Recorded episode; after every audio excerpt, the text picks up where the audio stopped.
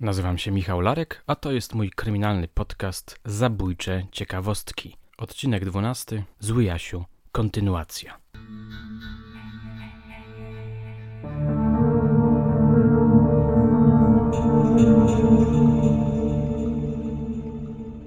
Dzisiaj wracam do historii złego Jasia, którą przedstawiłem wam w dziewiątym odcinku Zabójczych Ciekawostek. Parę dni po emisji podcastu odebrałem maila od słuchaczki o imieniu Marta, który był bardzo obiecująco zatytułowany.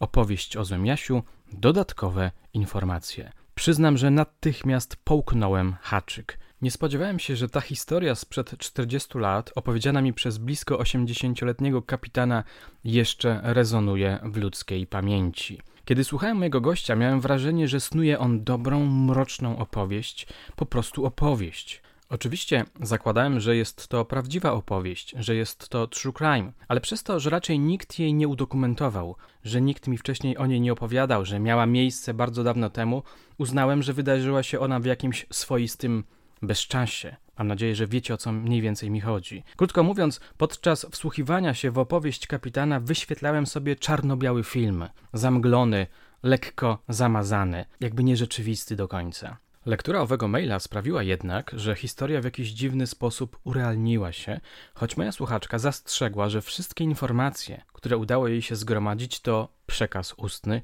który może miejscami mijać się z prawdą. Panie Michale, jak tylko usłyszałam w odcinku nazwy miejscowości z moich rodzinnych stron, od razu to coś we mnie poruszyło. Nie miałem wcześniej pojęcia o przytoczonej przez pana sprawie, ale postanowiłam skontaktować się z rodziną. Już telefoniczna rozmowa z mamą okazała się dobrym trafem. Na lata 70. przypadała jej szkolna młodość. O morderstwie usłyszała od swojej babci, a mojej prababci, która wiedziała bardzo wiele w tym temacie. Jednak niestety już nie żyje. Mama sama przyznała, że wraz z rodzeństwem jako dzieci nie słuchali tych historii i nieszczególnie one ich interesowały. Kiedy już myślałam, że najważniejsze źródło informacji przepadło, mamie udało się skontaktować ze znajomym ze szkoły. Mężczyzna mieszka w okolicy, osobiście znał rodzinę oraz uczestniczył w pogrzebie zamordowanych. Pamiętał dokładnie, że to był rok 1973 oraz że było bardzo ciepło. Prawdopodobnie chodziło o wczesną wiosnę, gdyż matka Jasia miała pomagać jednym z sąsiadów w polu przy zbieraniu kamieni, czego niestety nie doczekała. Zanim przejdziemy do tych dodatkowych informacji, najpierw odświeżę Waszą pamięć o tamtej historii. Oddaję głos kapitanowi. Stan faktyczny wygląda następująco. Młody człowiek, sokista, 20 parę lat, prawie 30, wzorowy pracownik, posiadający uprawnienia do posiadania w czasie służby broni długiej i krótkiej, po skończonej pracy udał się do miejsca zamieszkania po nocy do wioski Kobielno. To jest parę kilometrów od Krotoszyna. W tym domu zamieszkiwał on, ojciec, mama i siostra. Po drodze, idąc do domu, spotkał swego ojca, który jechał na rowerze. Był piany. Y, syn zwrócił mu uwagę, żeby więcej nie pił. Y, był to problem tego ojca, jego starszego pana, nałogowy pijak. On, młody człowiek, nie pił. I zwrócił mu uwagę i mówi, tato, ja cię ostrzegam, więcej mi nie pij. On mówi, co ty mi tam gówniarzu będziesz mówił, nie? i poszedł. Nie wiem, czy nawet go odepchnął, jakieś tam starcie było. Młody człowiek, to było tak mniej więcej w połowie drogi, więc tam parę kilometrów miał, ten szedł do miasta, a ten parę kilometrów jeszcze miał do tego domu przyjść.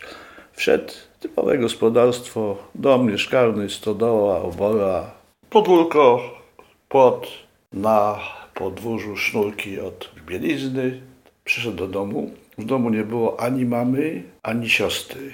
I czekał na ojca. Co jakiś czas, to było w godzinach porannych, czyli gdzieś koło siódmej, ósmej może. Przyszedł ojciec, pieniutki, ledwo ten rower prowadził, nie? się tam przewracał, wszedł na podwórze i on do niego mówi, wszedł do domu, a hałasował, a on mówi, tato, ja cię ostrzegałem, nie? No to ten znowu tam na niego z krzykiem, to mówi, to już więcej się nie powtórzy. Po czym wziął siekierę i walnął go głowę. Zabił go. Padł ten ojciec, y, w taki, takim wiatrołapie, tak może to określę, bo te domy są, nie mają takich werand przed wyjściem, a tam była taka dobudówka, tam się przez to wchodziło i potem wchodziło się dopiero do mieszkania. No tatuś padnie, no ale refleksja mówi, no nie, on tu tak nie może leżeć, trzeba go pochować.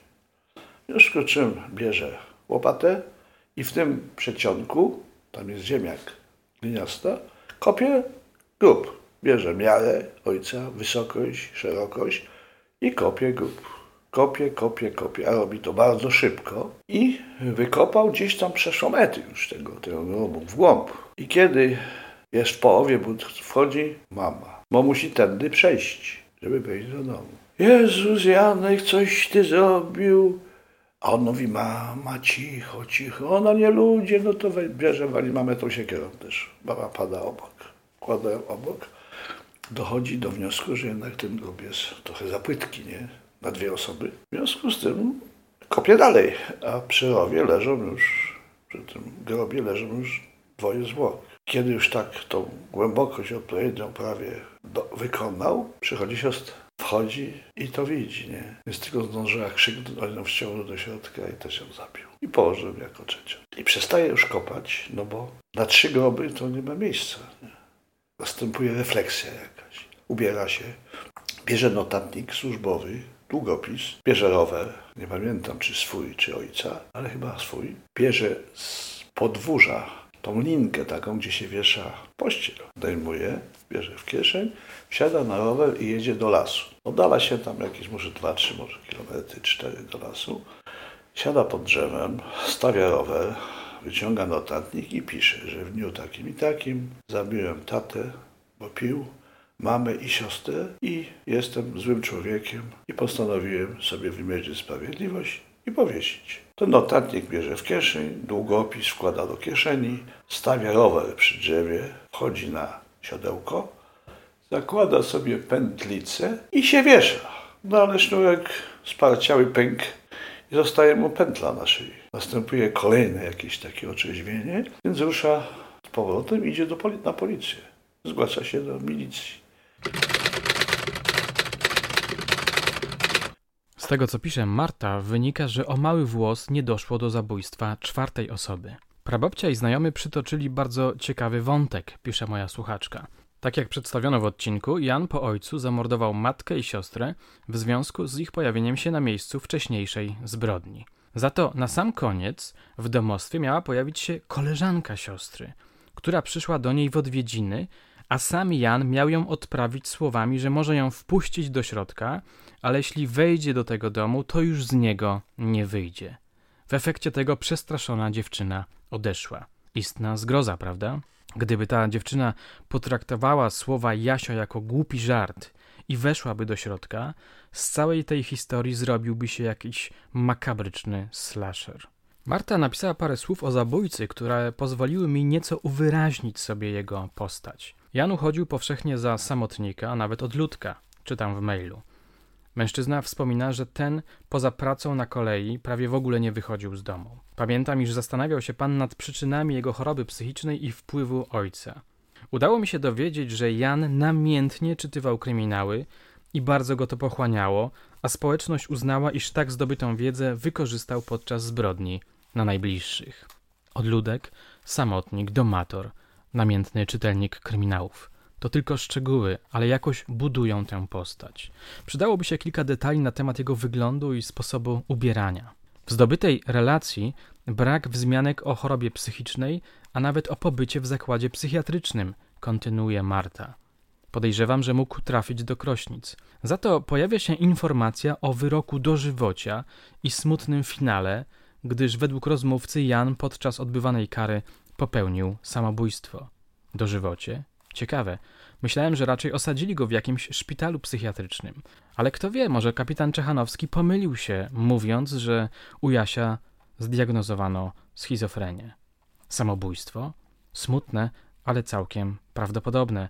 Przecież ten nieszczęsny Jasiu po swoim makabrycznym czynie próbował odebrać sobie życie. Szkoda, że nie mamy wglądu do dokumentacji psychologicznej i psychiatrycznej.